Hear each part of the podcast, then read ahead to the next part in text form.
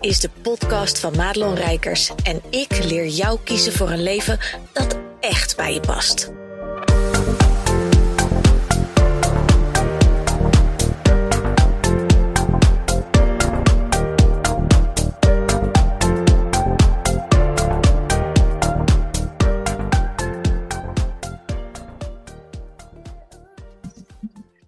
Ja, welkom bij deze podcast. Of als je zit te kijken, welkom bij deze video. En ik mag hier vandaag zitten in mijn eigen park met niemand minder dan Françoise Verhoef, de schrijfster van dit fantastische boek De Alpha Vrouw. Een boek wat mij echt tot op mijn bot heeft geraakt. En waarvan ik echt voelde, deze vrouw, ehm, daar moeten we meer van weten en meer van horen. Dus ik vind het fantastisch dat je helemaal naar Friesland bent gekomen. Hoewel je hier natuurlijk wel vandaan komt uh, officieel. Ja. Dus welkom. Vertel even eerst, wat doe je nu? Wie ben je, wat doe je? Nou, ik ben dus Françoise Verhoef. Ik ehm, werk nu als, eh, als coach. Ik ben ooit eh, opgeleid als fysiotherapeut, en manueeltherapeut en bekkenfysiotherapeut. En ehm, ik eh, ben gestopt met mijn fysiotherapie-werkzaamheden. En ik ehm, eh, doe eigenlijk nu alleen vrouwen. Ja, ik, ik heb het, ik zei het net ook, lichaamsgericht coachen. Ja, wat is dat dan? Maar eigenlijk vooral je, je verbinding met je lijf weer terugkrijgen. En dan ehm, in mijn geval vooral ook de verbinding met je bekkengebied. En met je seksualiteit, maar ook met je levensenergie. En ehm, eh, om dat weer echt helemaal te durven voelen en te durven ownen, zoals dat dan zo mooi heet. Jezelf weer helemaal toe-eigenen.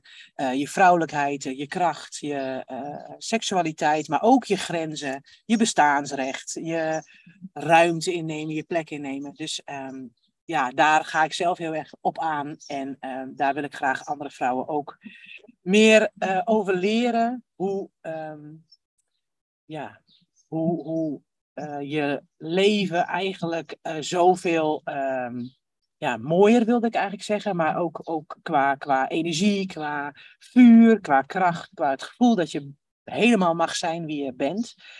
Daar neem ik vrouwen graag in mee en begeleid ik ze naar terug. Eh, omdat we ons heel vaak laten leiden door wat er in onze omgeving gebeurt. En eh, eigenlijk onze eigen wensen en verlangens daardoor ehm, op een lager pitje zetten of misschien zelfs vergeten.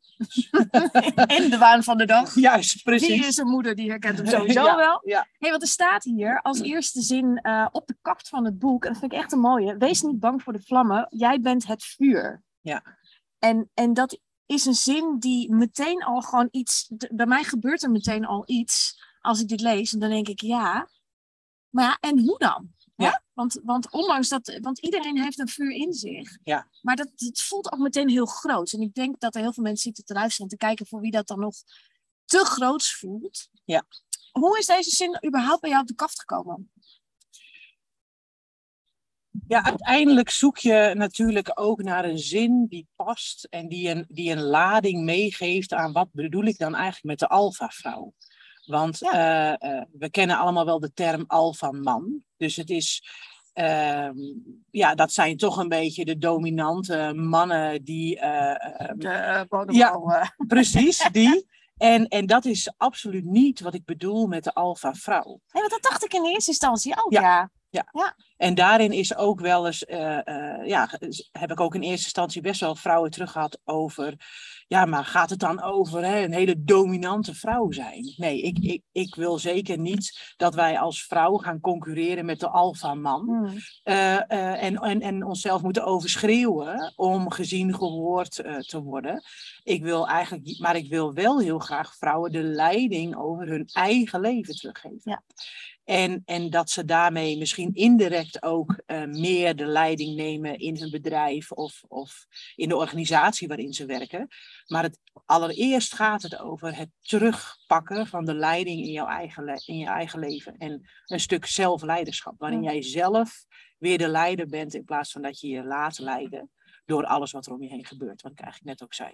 En, en daarvoor spreken we een stuk van onze levenskracht en levensenergie aan om eh, onszelf eh, nou ja, in de wereld te zetten, zoals het dan zo, eh, zo mooi heet. Maar goed, en dat doen we vanuit een bepaald vanuit een bepaalde passie, en vanuit een bepaalde missie, visie en een, een, een, een, Drijfveer. ja, precies, een, diep, een dieper geloof in iets. In, in, in, in jezelf. En ik denk dat veel vrouwen graag de wereld een stukje mooier willen maken. En, en, Zeker de mensen die nu kijken en luisteren. ja. En, en al is dat dan misschien niet eh, heel groot gelijk voor de wereld, maar gaat dat voor de mensen om je heen. En, en dat gebeurt vanuit een vuur, vanuit een, uit een gepassioneerd vuur. En, en daarom dacht en, en vuur is echt mijn thema. Hmm. Dus ik doe heel veel met vuur ook, met, met, met het maken van vuur. Hoe maak, je, hoe maak je nou je eigen vuur weer aan? Ja, want jij gaf met het krijgen van het boek, met het kopen, kreeg ik er ook zo'n vuursteentje Ja. dingetje bij. En dat vond ik zo grappig. En een Ja. fireball ook Ja. nog. Voor de jaren tachtig kinderen. Ja, precies. fantastisch. Ja, ik kreeg die zak. Ik had er natuurlijk heel veel tegelijkertijd besteld. En ik deed die plastic zak open. En toen dacht ik, Ja. oh ja, zo rook Oh, dat. Echt Die kaneelachtige, Ja, eh, eh, eh, pittige geur. Ja, was echt... die op het einde altijd een beetje goor werd. Omdat Ja. je dan van bal naar kauwgom moest. En dat ging nooit heel vlekkeloos. Nee, ja. precies, dat. dat. dus, eh, ehm, en ik denk dat, we- dus dat, dat het aanmaken van je eigen vuur, het, door alles wat er gebeurt, ehm, ook in mijn leven, ik ben ook moeder, heb drie kleine kinderen, het, een groot gedeelte van, van het leven staat dan in het teken van dat die kinderen het zo goed hebben. Oh ja, waar ben ik dan? Ja. En dus mijn vuur eh, wordt soms ook zo'n smeulend hoopje Ja. as, waar ik dan heel veel ja, voeding weer op moet Ja. geven om, me, om mijn vuur weer te laten ontbranden. Ja. En, en, en ik denk dat we die fases allemaal doorgaan.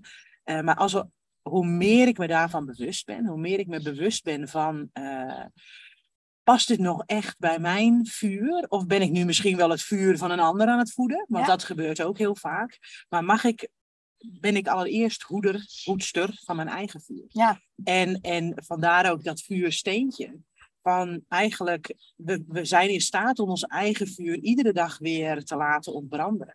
Maar dat heeft wel, nou ja, dat heeft aandacht nodig. Net zoals het kampvuurtje of je barbecue. Ja. Als je daar niks op gooit, dan gaat het uit. Als je daar geen hout of whatever opgooit, dan gaat het uit. En zo denk ik dat het ook bij ons vrouwen werkt. Als wij ons eigen vuurtje niet eerst voeden, dan, dan gaat het uit of dan dooft het uit. En dan voelen we ons nou ja, moe, energieloos, geïrriteerd. Ja. En, en, en nou ja, ook wel een beetje, ik voel me dan ook wel een beetje zeikerig af en toe. "Ah, ik het allemaal stom en ik heb er geen zin in. En, eh, en, en dan ga ik ook zeuren tegen mijn partner dat hij eh, vooral niet doet waar, wat ik eigenlijk graag wil.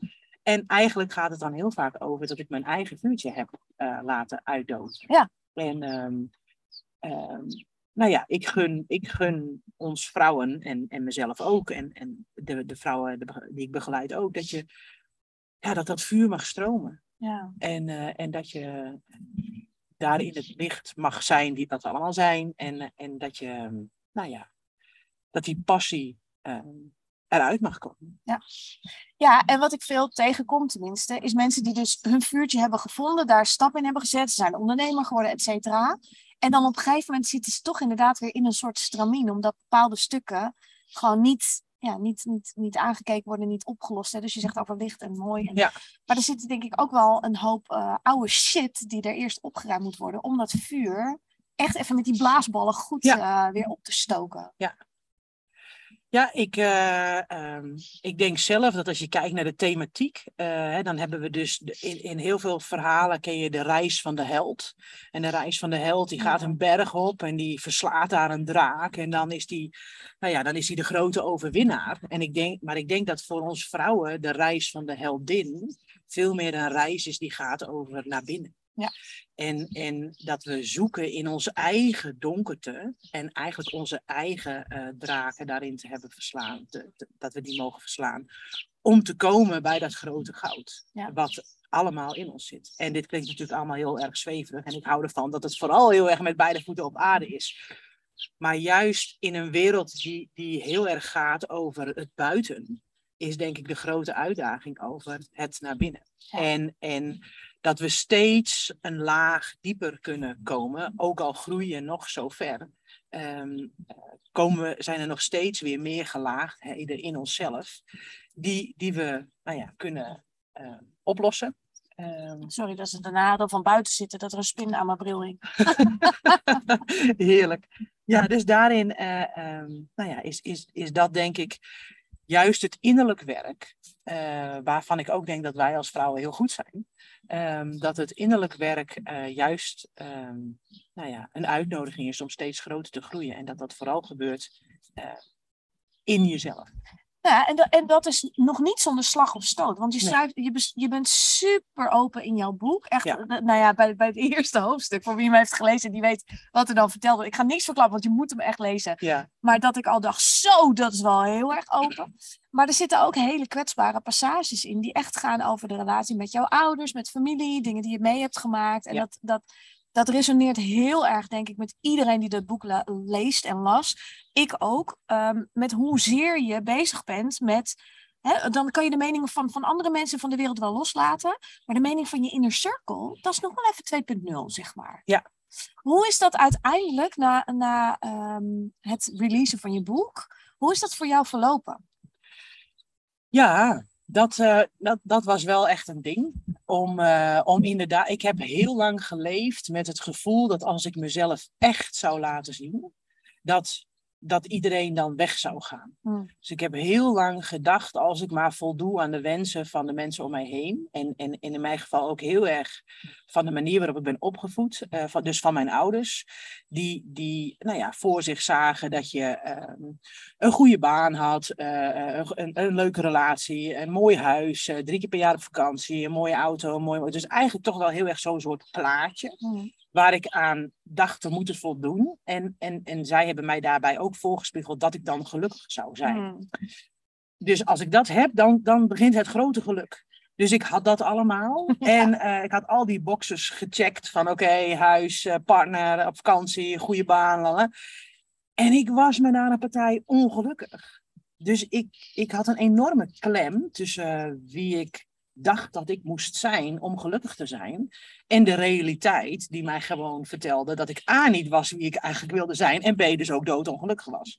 Had jij op dat moment overigens ook door waar jouw verlangens wel naar uitgingen? Of was dat een soort van onbewuste staat van zijn? Nou, ik, ik wist heel goed waar mijn verlangens wel naar uitgingen. Dus ik, ik, ik heb ook heel vaak gezegd, ik weet niet voor de mensen die luisteren of jullie het programma Jambers nog kennen. ja, ja, ja, ja, ja. Maar daar had je dan... Inderdaad ook een beetje de leeftijd. Ja, ja, helaas, helaas. Maar uh, daar had je dan natuurlijk, overdag is zij een gewone vrouw. In mijn geval overdag is zij een gewone fysiotherapeut. Maar s'avonds, nou, in mijn, in mijn leven was dat heel erg zo. En dat heb ik ook in mijn boek beschreven. Maar daarin zat een hele grote stiekeme geheime wereld. Mm. Waarin ik mezelf was.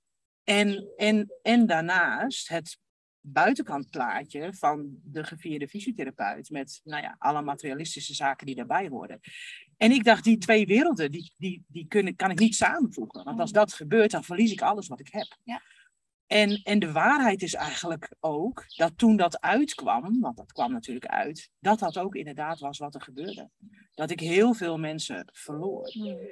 En maar terugkijkend weet ik dat die mensen eigenlijk natuurlijk ook al niet my kind of people waren. Het waren niet je een derde van de mensen van de wereld Nee. die jou fantastisch vinden en die bij je Precies. horen. Ja. Dus ik had heel erg een mooi plaatje gecreëerd en daar waren mensen op afgekomen. Dus, dus dat wat ik dacht, dat klopte eigenlijk dus ook wel. Dat de mensen ja, die, die ik in mijn omgeving had, dat heel erg veroordelen wat ik deed. En, ehm, en ik me daarin dus verschrikkelijk eenzaam voelde. En eigenlijk dacht, nou, de wereld is voorbij. Ja. En mijn leven is voorbij. En ehm, om daar weer uit te krabbelen, dat had best wel wat voeten in aarde. Dat heb ik ook geschreven in mijn boek. Maar ehm, eh, dat is dan eigenlijk dat proces, ook voor mij, om naar binnen te keren en, en te durven laten zien, ja, wie ben ik? Dus inmiddels is mijn inner circle eh, wel veel dichter bij wie ik ben. Hmm. Ehm, dus de meesten eh, wisten natuurlijk wel mijn proces en, en wisten de inhoud van mijn boek. Maar zeker ten opzichte van mijn ouders vond ik het onwijs spannend om Ja. dit boek uit te brengen. Dus, ehm, en, en om zo eerlijk te durven zijn over mijn eigen proces. Dus daarin ehm, heb ik gemerkt dat, dat de mensen die mij toch wel leuk vonden, mij nog veel leuker zijn gaan vinden. En, en dat ik, dat ik ja, nu heel veel reacties van vrouwen terugkrijg die zeggen: Het heeft me onwijs geïnspireerd en het heeft me juist doordat het zo open is. Ja. en dat is iets waarvan, wat, wat ik wel wist, maar waarvan ik nu van binnen ook mag voelen dat dus alles van mij er mag zijn. Ja. En, en ja, dat is wat ik iedereen gun. Eh, want voor, ik voel me steeds ja, heler, Ja. Eh, door gewoon volledig mijzelf te mogen zijn.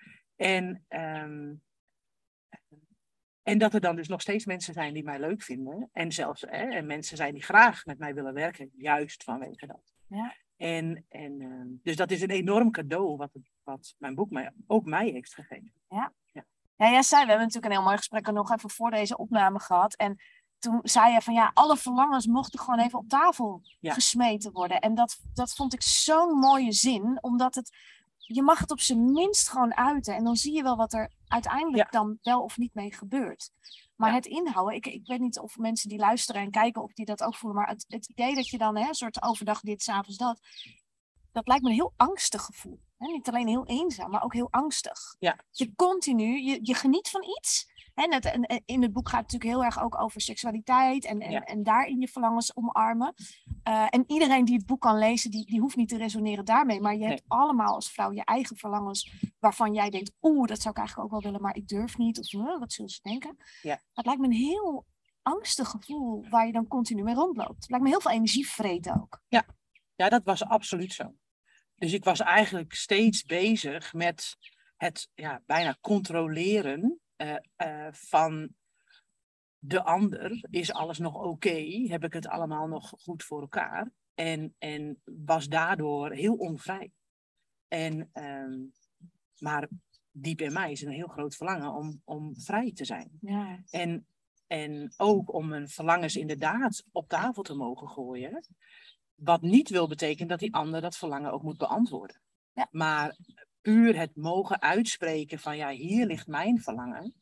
eh, geeft de ander ook de gelegenheid om ook echt oprecht te kunnen zeggen: ja, dit, dit, dit verlangen, daar kan ik in mee. Of nee, dit verlangen kan ik niet in mee. Terwijl op het moment dat je eigenlijk ja, het, het, het aan het sturen bent, dan ben je heel erg bezig, was ik heel erg bezig met wat kan de ander wel of niet geven. En daar ging ik me op aansluiten. En ik dus eigenlijk ja, zelf soms een beetje dat als, als een gemanipuleerd iets voelde. Eh, omdat ik eigenlijk ja, aansloot bij wat de ander wilde en niet zozeer aansloot bij wat ik wilde. En ik de ander wel het gevoel gaf dat diegene dan aansloot bij wat ik Mm. wilde. Nou ja, die, die, die klem, of dat toch enigszins vage gebeuren, dat eh, door eigenlijk te beginnen vanuit je eigen verlangen, ehm, creëer je een omgeving die met jouw verlangen wel of niet kan resoneren. En vooral de mensen die met, daar wel mee resoneren, daar kun je mee verder. En zo vind je eigenlijk mensen die veel beter bij je passen Ja. dan dat je je verlangen maar inhoudt. En dus genoegen neemt, om het dan zo even te zeggen, met mensen die, die dus maar een fractie van het verlangen hebben wat jij hebt, omdat je ook maar een fractie van je verlangen laat zien. Ja. En, en ja, in mij zorgde dat voor eh, dat ik de verbinding met mezelf ook kwijtraakte. Omdat ik eigenlijk alleen maar met mijn hoofd bezig was. Om het maar allemaal zo goed mogelijk te laten zijn eh, en te laten gedijen. En niet, eigenlijk helemaal niet bezig was met wat is mijn, mijn diepste verlangen eigenlijk. En, ehm, en dat durven uitspreken. Ja, het is ook niet heel eerlijk naar de ander. Want je geeft Nee. een ander ook geen, geen eerlijke kans om met je mee te resoneren. Nee, precies. En ik, ik denk zelf, maar dat, dat, dat weet jij beter dan ik, eh, na het schrijven van het boek, dat heel veel van de verlangens en dingen die je wil uiten, dat dat natuurlijk ook mede door opvoeding, en misschien zelfs ook hè, vorige levens, et cetera, als je daar ook eh, een beetje in zit, maar dat heel veel vanuit de basis van je opvoeding al onderdrukt wordt. Ja. En dat toch de mening van je ouders heel belangrijk is, omdat het een soort toestemming geeft van, oh, dan mag ik ook de wereld in. Ja. Zak je heel snel in die oude kindrol. Ja. Hoe is uiteindelijk eh, eh, het boek gevallen in jouw omgeving zoals jij het kent? Hè? Want het was niet zo dat iedereen ineens dat je een ander soort inner circle al had. Nee, ja, ik, heb, ik heb vanuit mijn omgeving hele, ja, eigenlijk alleen maar, ik heb sowieso eigenlijk alleen maar positieve reacties gehad. Maar ik kan me ook voorstellen dat mensen die het boek wat minder leuk vonden, misschien niet zo snel geneigd zijn om dat te zeggen. Mm. Ik heb wel van, eh, gelukkig benoemde jij dat ook, de thematiek. Je hoeft niet hetzelfde te doen als wat ik heb gedaan. Ik Eh, dacht, nou, dan, is er nog een hele journey, eh Ja. ligt er nog voor me. Ja. En, eh, en we hoeven niet allemaal de extreme dusdanig op te zoeken als dat ik heb gedaan. Maar ik hoop dat de thematiek inderdaad bij heel veel vrouwen hetzelfde is. En dat is ook wat ik, wat ik beoogd heb. En, en waar ik vrouwen toe wil inspireren van hey, hoe werken deze thema's nu voor mij en ben ik daarin mezelf of niet. En inderdaad, hoe heeft het uiteindelijk geland? Nou, ik, ik vond het onwijs spannend om mijn ouders uh, mijn boek te laten lezen. Ja, dat was eigenlijk mijn grootste drempel. Ik durfde ze ook niet uit te nodigen voor mijn boekpresentatie. Dus ik heb ervoor gekozen om dat niet te doen. Ik vond het echt te spannend. Eh, uiteindelijk, een paar weken daarna, eh, had ik contact met mijn vader. En die zei, goh, ik heb gehoord of gezien dat je boek is uitgekomen. Ik ben wel heel nieuwsgierig. Nou, mijn hemel met angst en beven heb ik die man mijn boek meegegeven. Want- vader ook echt, ja. Ja, want eh, en, nou ja, voor iedereen die het boek leest, kan misschien zo meteen voorstellen waarom dat heel spannend was. Je gaat hem willen lezen, en, want onze relatie is, is, nou ja, niet altijd makkelijk.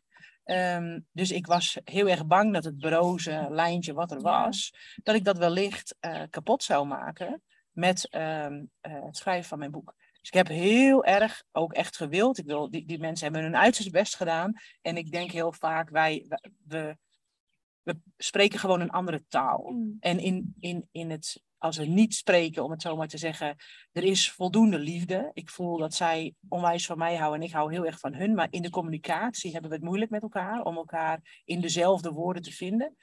Dus ja, ik wilde hun zeker niet eh, ehm, nou ja, afmaken of op welke manier dan ook in een negatief daglicht zetten. Want ik denk dat ze hun uiterste best hebben gedaan. Zoals iedere ouder, denk ik, bijna iedere ouder, het is nooit 100%, maar doet. En je bent ook Dus- moeder, je weet hoe het is. hè. Je fokt je kinderen toch op, maar je doet het naar best te kunnen. Ja, precies. Dus, dus en iedereen heeft recht op zijn eigen trauma. precies. Maar, eh, dus daarin, maar ik, ik, ja, ik vond dat heel spannend. En uiteindelijk heeft mijn vader mijn boek meegegeven. En die, nou, na twee dagen belde hij mij en ik kon niet opnemen. En, en hij had voicemail ingesproken. Ik dacht echt, oh my, nou, nu gaan we het krijgen.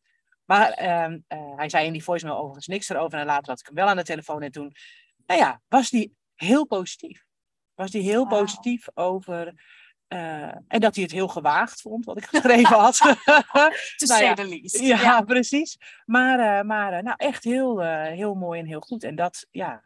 Dus, dus ook daarin hebben zij zich gelukkig niet eh, aangevallen Mm. gevoeld of, of negatief weggezet. En dat was ook zeker mijn doel. Dus ja, mijn grootste hobbel daarin, mijn ouders eh, hebben heel positief gereageerd op mijn boek. En dat, poeh, dat was wel echt een, eh, een opluchting. En een, ja, een heel fijn, eh, hele fijne bevestiging. Mm. En, eh, en dat mijn verhaal er dus ook bij hun mag zijn. Ja, dat. En, eh, ja. En ik vind het ook echt nog de diepere laag van inspiratie, als ik het zo mag zeggen. Dat die, die totale onthechtheid die je hebt gehad, dat kan wordt mee. Dit boek moest er als een soort. Ja.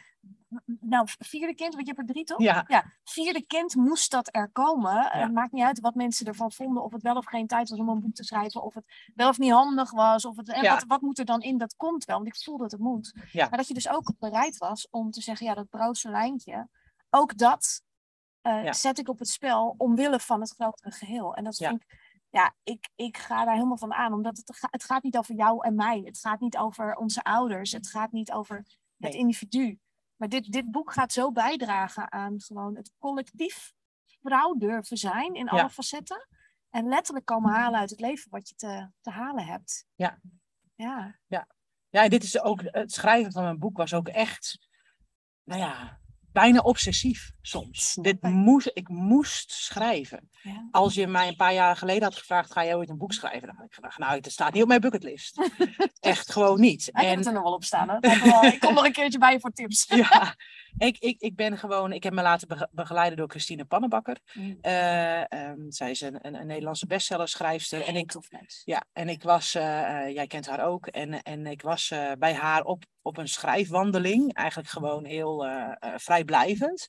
En, en ik ging daarheen omdat ik dacht, nou misschien is het goed om een teksten op een Facebook of social media, om wat tips te krijgen over hoe ik dat het beste kan doen. En zij zette mij zo aan op die dag Mm. over. Eh, ik had daar een, een stuk geschreven en daar kreeg ik ook veel reactie op. En dat hielp natuurlijk ook. Dus veel mensen begonnen tegen mij te zeggen van... Oh, je zit zeker al heel lang bij haar. Nou, het was mijn eerste keer. Dus dat, dat gaf ook bevestiging over... hey, hier is misschien wel iets wat ik kan.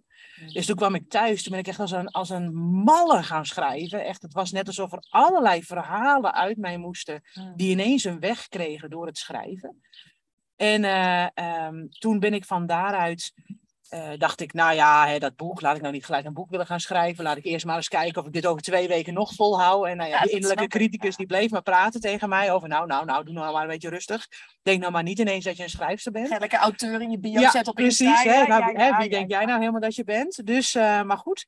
Eh, na drie maanden was ik nog steeds aan het schrijven. En toen heb ik Christine benaderd. En toen heb ik haar de tekst gestuurd die ik op dat moment had. Ik zal eerlijk zeggen, die ging over lichamelijke klachten. En over hoe je, hoe je daar, hoe je die als, als richtingaanwijzer kunt gebruiken Ja. voor de- ja, echt. Oh, oh my god. Dus, eh, eh, eh, nou ja, daarvoor heeft zij mij zeker geholpen Mm. om, zoals ze dat zo, zo mooi noemen, je schrijfstem te vinden. Mm. En, en mocht ik ook in het schrijven steeds een laag dieper en steeds een laag dieper. En ehm, ja, het boek wat er uiteindelijk ligt, is, is, lijkt in, in niks meer op waar ik ooit bij, bij haar bij kwam. Eh, want dat was heel theoretisch en dat was eigenlijk natuurlijk ook veilig. Want Ja. de theorie was mijn veiligheid.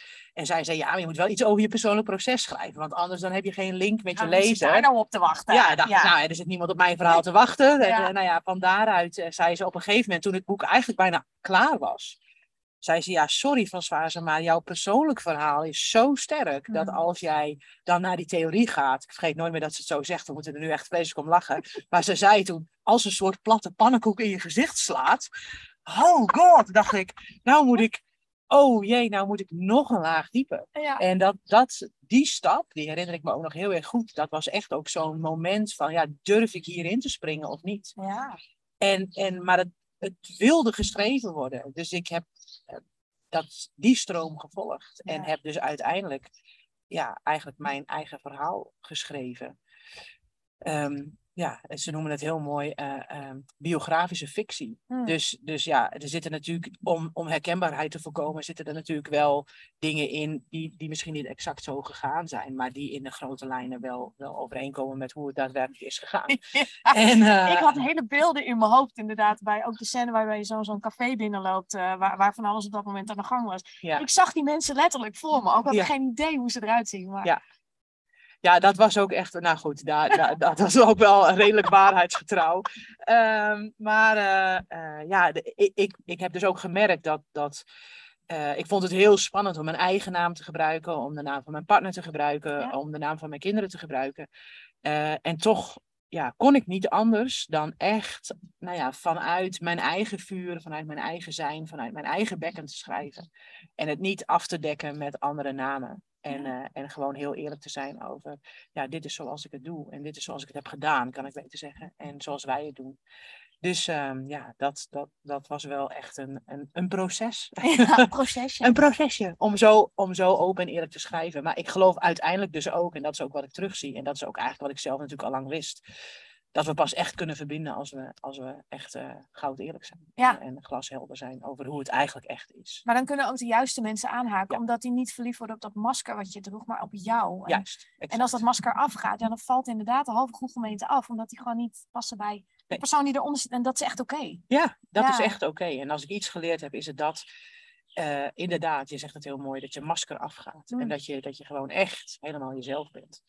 En het is ook een bevrijding. Het heeft zoveel meer rust gegeven. En zoveel meer flow. En zoveel meer, nou ja, al die fantastische spirituele woorden. Maar het, het wordt Mm. zoveel makkelijker als je echt jezelf bent. Ja. En, en, en zoveel fijner. En zoveel meer verbinding. En zulke fijne reacties. En zoveel meer contact met de mensen om me heen. Echt contact. Ja, Eerlijk.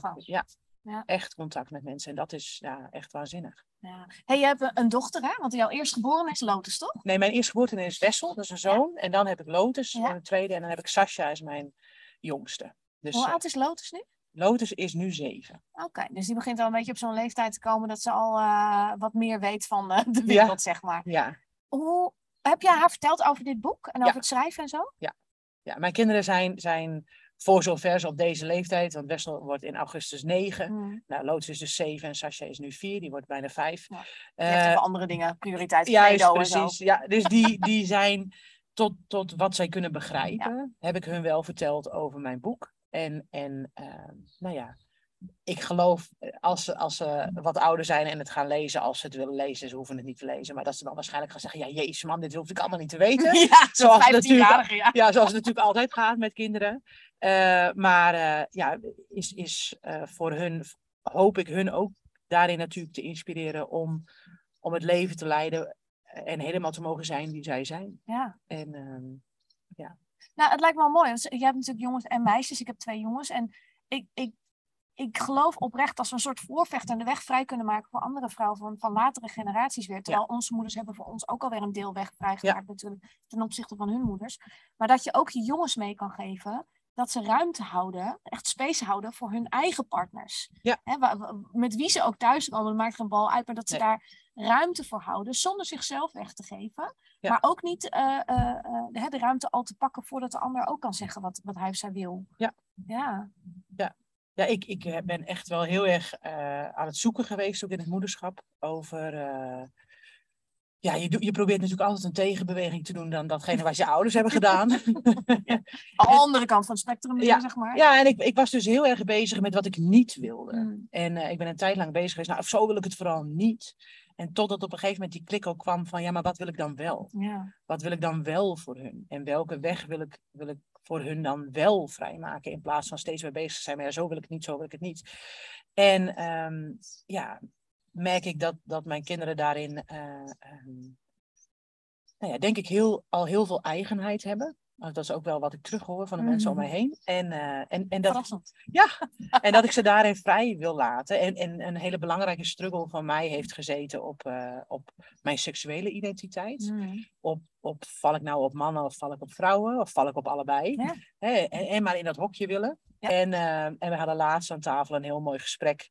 Ehm, de, de- een dochter van een vriendin van ons eh, is eh, nou, uit de kast gekomen dat ze eh, op vrouwen valt. Mhm. Dus daar hadden wij thuis een gesprek over. Ehm, wat, wat, nou ja, wat betekent dat dan? Hè? Wat, hoe, hoe heet dat en wat ben je dan? En, eh, en, en hoe vinden jullie dat? En kun je op jongens vallen voor mijn, voor mijn zoon dan? Kun je op, Mhm. op meisjes vallen voor mijn Ja. dochters? En hoe heet dat dan? Dus nou, een beetje zo hadden we het erover. En nou, dan ben je dus homoseksueel of heteroseksueel. Dus toen kwam natuurlijk ook de vraag van ja, wat dan als je op mannen en vrouwen valt? Mm. Ja, dat ben jij, mama.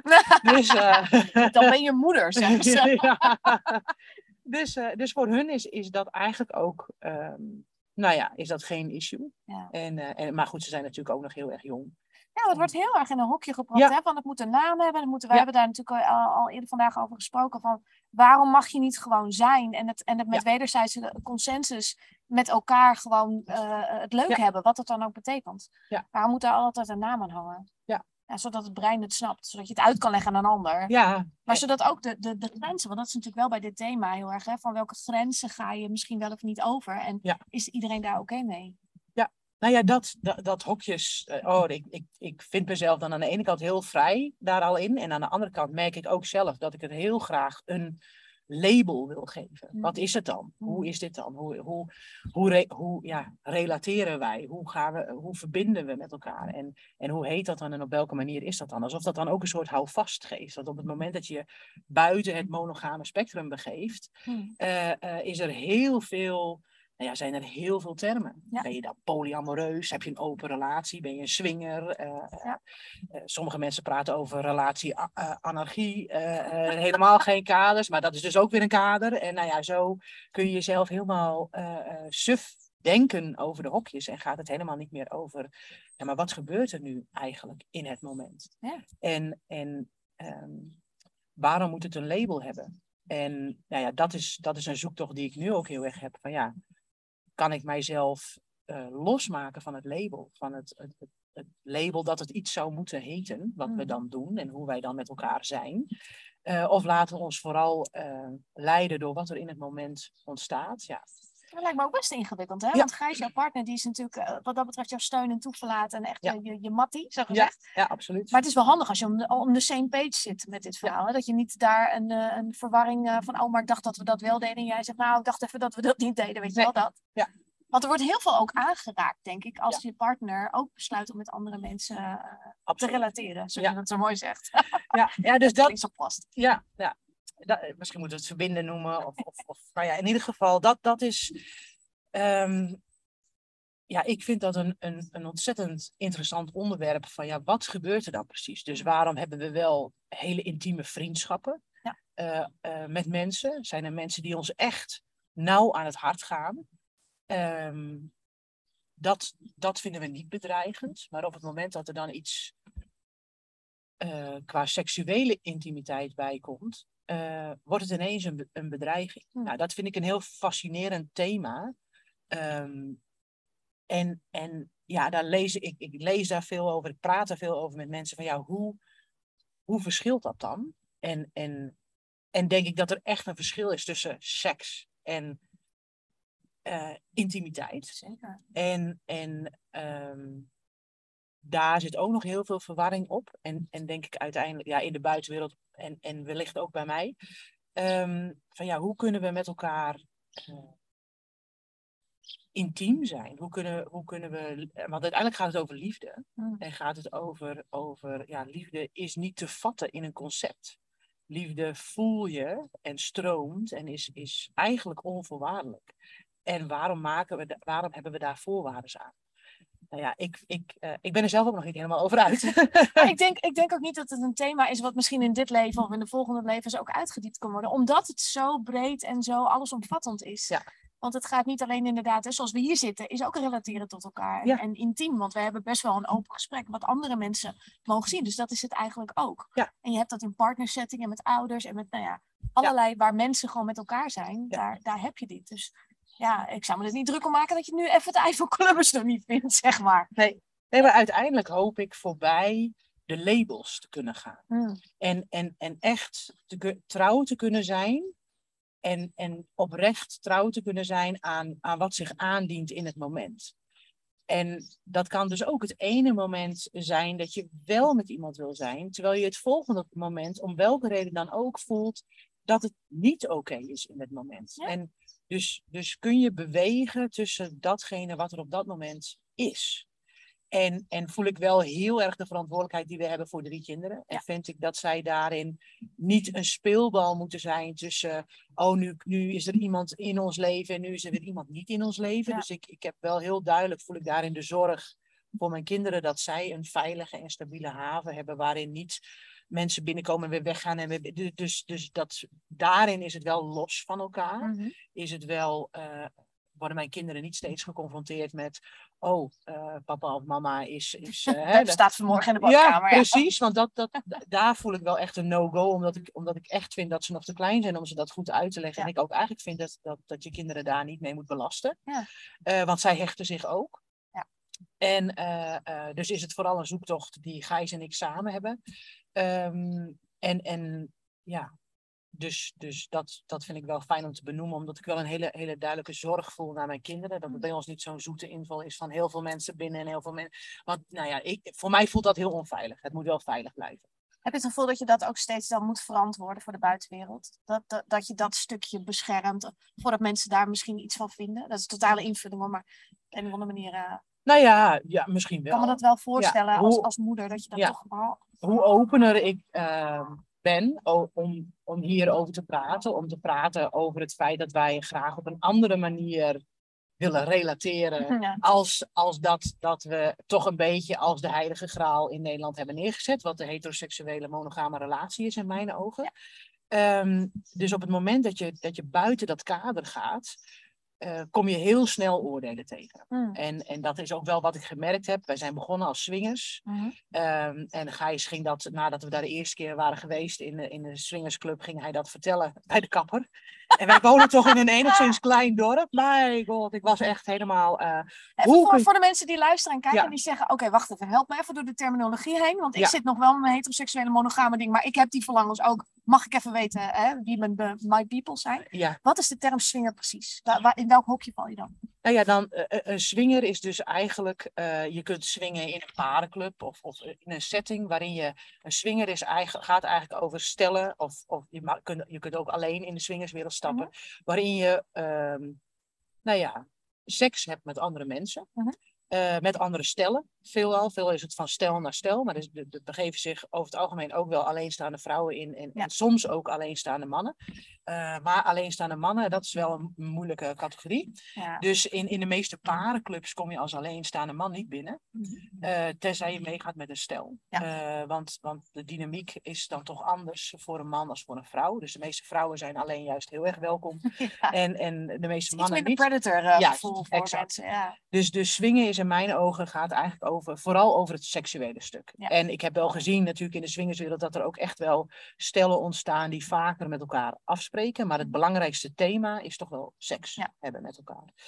En, ehm, en op het moment dat je, dat je meer naar de polyamorie gaat, dan, dan gaat het dus ook over een heel stuk liefde. Mhm. En gaat het veel, ligt een nadruk iets minder op het alleen seks hebben met elkaar, maar gaat het vooral ook echt over de verbinding en het, en het delen van liefde Ja. Eh, met elkaar. En, en ehm, nou ja, dan heb je nog eh, allerlei tussenvormen daarin. Dan heb je natuurlijk nog de, rela ja, de relatie anarchie, waarin, ze- waar, waarin dus ze eigenlijk iedere, iedere relatie even belangrijk maken. Hmm. Dus, dus daarbij ehm, eh, ons, zijn er geen, is er geen, ja, geen hiërarchie meer tussen eh, eh, deze relatie is, is dan hiërarchisch minder of meer belangrijk dan die relatie. Ja. Maar alle relaties zijn belangrijk en er wordt heel erg gekeken naar ja, welke relatie wil ik op dit moment eh, mijn aandacht en tijd geven. Ja. En, ehm, maar alles blijft een, een, een hokje. Ja. En, ehm, Maar goed, Gijs die zat dat even lekker bij de plaatselijke kapper te Ja. vertellen. Precies. En, eh, en eh, nou, dat vond ik echt ongelooflijk spannend. En, en, en waren de eerste reacties toen ook natuurlijk heel erg over. eh, nou ja, alsof je in een, in een soort orgie-achtige setting terechtkomt. waar iedereen maar neukt met iedereen. Ja. En, en de woorden ook heel plat worden. Terwijl dat absoluut niet hetgeen is wat wij zochten. Maar eigenlijk vooral verbinding zochten met meer mensen. Hmm. Ik denk dat er namelijk. Aan de andere kant zie ik heel veel mensen vreemd gaan. Zie ik Ja. heel veel eh, huwelijken stuk lopen. Opdat er dat, dat, dat een of allebei de partners eigenlijk met andere partners zijn. Want dat verlangen is er. Ja, Ja. ik denk dat, dat, dat toch heel veel mensen dat verlangen hebben. En ook heel veel mensen niet. En dat is helemaal oké. Alleen waarom kiezen we er niet voor om dat ver- verlangen, hè, waar we het zo straks ook over hadden, gewoon op tafel te smijten? Ja. Waarom zeggen we niet, goh, ik heb nu iemand ontmoet die mij raakt op dit of dit of dit. En, en dat zou ik graag willen uitzoeken. En dat hoeft niet gelijk te betekenen dat je dan maar met iemand het bed in duikt. Maar je komt gewoon meer mensen tegen die iets met je doen. Ja. Die je, die je raken op een bepaald niveau. En, en waarvan je voelt van, hé, hey, met diegene heb ik iets uit te zoeken. Ja. En, en mag dat? Kan dat? Kan ik, kan ik, mag ik dat uitzoeken? Want ik geloof niet dat, ja, zo zijn we wel een beetje opgevoed. Tenminste, ik ben zo opgevoed. Alsof mijn partner mij in alle facetten van mijn zijn zou kunnen, eh, eh, ehm, nou ja, tegemoet zou kunnen komen. Of Ja. dat ik daarmee zou kunnen zijn met hem. Eh, maar dat is gewoon niet zo. Dat, Ja, het in zou mijn, fijn zijn, zo'n perfect totaalplaatje. Ja, Ja, nee, er die is altijd iets wat niet klopt. nee, Ja. en die prins op het witte paard die mij gaat redden van al mijn... Nou, Alsof we gered moeten worden. ja, dat. ook, ook Ja. dat. Hè. Dus, dus dat is gewoon niet zo. We, hebben, we vinden in ons partner iets en, en we komen gewoon hele mooie mensen tegen op ons pad. Eh, waar we ook graag eh, een, een, een diepgaande verbinding mee willen hebben. Ja. En soms is dat seksueel en soms is dat niet seksueel. En, eh, maar op het moment dat je ehm, eigenlijk zegt van ja, maar dat, dat, dat kan niet, of ik, ik, ik mag niet een verlangen hebben naar een andere man, of ik mag niet een verlangen hebben naar een andere vrouw, in mijn geval, ehm, dan, ont, ja, dan ontstaat daar een frictie. Mm. En die frictie is heel vaak de aanleiding eh, dat we toch gaan najagen, want alles wat stiekem is en niet mag, Ja. heeft toch een bepaalde aantrekkingskracht. Dus gaan we het toch doen of we gaan het wegdrukken, want dat heb ik zelf ook geprobeerd, want ik vond daar van alles van. Dus dan ga je het Gaat weg. oppoppen. Het is schaduwwerk 2.0 natuurlijk. Hè, Ja. Dus je, je, en op het moment, eigenlijk op het moment dat je durft uit te spreken naar je partner van luister, ik, ik, ik ben nu iemand tegengekomen die mij heel erg raakt, eh, wa- waar ik heel erg een, een, een gevoel bij krijg of waar, waar mijn energie heel erg van gaat stromen of waar, waar iets gebeurt, dan, dan begint eigenlijk al het, het proces van inzicht krijgen in waarom diegene je dan zo triggert of raakt of, Ja. eh, fascineert. En dan kom je samen in die dans. Met elkaar kom je in die dans van, oh ja, maar wat is dat dan? En wat gebeurt er dan? En, en, en wat zoek je dan? Of wat, nou ja, wat mis je dan? En, eh, en, en kun je het dus ook steeds maar weer zien als een spiegel van, Mm. van iets wat zichtbaar wo- wil worden in jezelf. Wat je partner gewoon niet altijd kan spiegelen en waar je anderen van nodig hebt. Ja, mooi. Dus, dus dat, is, dat is mijn belangrijkste reis om dat te mogen uiten. En het heeft voor mij ook heel erg de lading eraf gehaald. eh, van het stiekem en het mag niet. En, en daardoor mezelf dus ook groei ontzeggen. Hmm. En, en ja, is mijn belangrijkste, een van mijn belangrijkste waarden in mijn relatie is groei. Dat we allebei mogen groeien. En, ehm, en dat we vooral elkaars groei niet belemmeren. Ja. En, ehm, Nou, dat, dat, dat lijkt me echt, tenminste zo voelt het een beetje voor mij, echte liefde. Dat je elkaar zo alles gunt. Ja. Ook dat stukje. Ja. Maar ik denk ook, hè, om even terug te gaan naar het begin van, eh, van ons mooie gesprek, dat je zei dat eh, vrouwen hè, de- de- het leiderschap over hun eigen leven, maar ik denk dat het ook een stuk is om je te durven laten leiden vanuit een andere energie. Ja. En dat dat denk ik ook wel de, de shift is die we mogen maken. Dat we enerzijds het leiderschap mogen pakken en anderzijds op de vrouwelijke manier geleid mogen worden Ja. door de juiste persoon om ons heen te verzamelen. Maar dat kan alleen maar als je zegt wat je wil. Ja. Ja, cool. Ja, helemaal eens. Dat voel ik ook inderdaad helemaal zo. Dat, dat juist. Het is natuurlijk. Het is die dynamiek tussen die mannelijke en die vrouwelijke energie in ons. En, en, en ik geloof zeker niet dat alleen de mannelijke manier voor ons goed is. En, en volledig eh, op de vrouwelijke manier, in ieder geval voor mij, was niet. eh, dus ah, helemaal in de overgave en alles maar laten gebeuren. Zo zie ik dat dan. Maar, hè, en ik denk dat de vrouwelijke manier ook heel erg intuïtief is en Ja. noem maar op. Dus Maar het kan Dus- ook heel daadkrachtig zijn, maar Ja. vanuit een andere energie. Ja. Niet de doorbeuken. Nee. Hè, eh, slimme meisjes op de toekomst voorbereid, Exact. kinderen. Dat, dat zijn onze generaties zijn natuurlijk mee opgevoed. Hè? Ik heb niemand nodig. Nee. dat. Nee, nee, nee, precies. Je kan alles alleen. En, eh, Precies. eh, ja, absoluut. Zo ben ik ook absoluut opgevoed. Dus, dus die balans vinden tussen die twee energieën in jezelf. En, en daarom heb ik het dus ook de alfa-vrouw genoemd. Omdat ik inderdaad denk dat het een, een dans is tussen, tussen die, twee die twee energieën. Ja, En de extreme, en die heb ik, ik ben wel een beetje van de extreme, dus die heb ik absoluut Jo. opgezocht.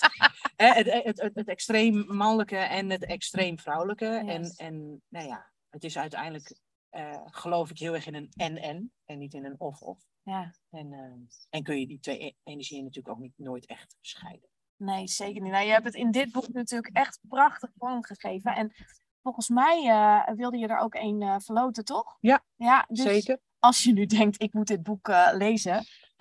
Françoise geeft er gratis één weg. Wat moeten ze daarvoor doen?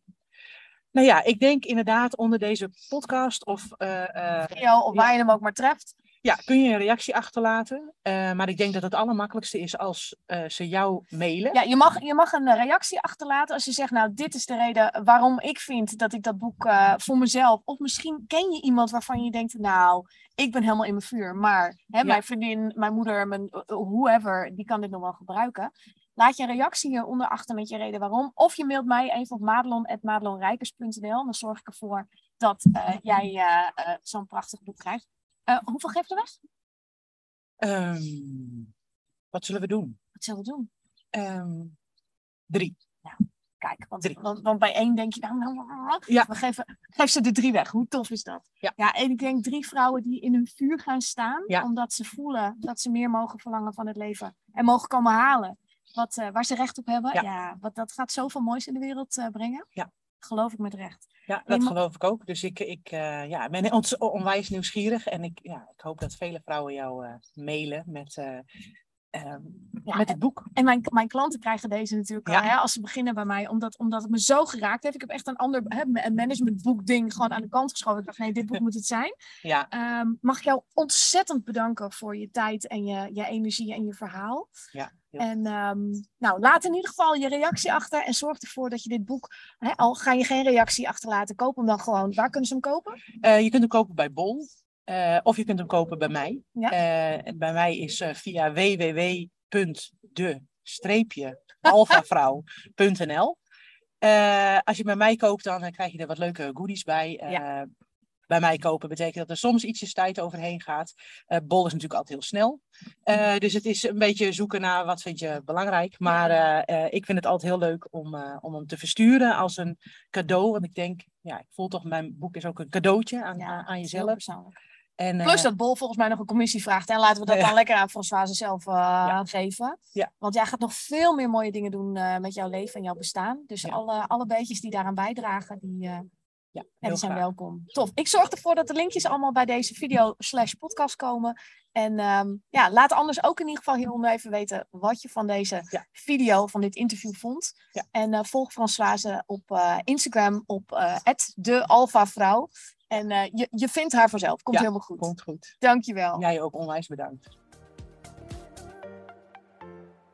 Goed dat je luisterde naar deze podcast. Wil je meer van mij weten? Check dan snel mijn Instagram of kijk op www.madelonrijkers.nl.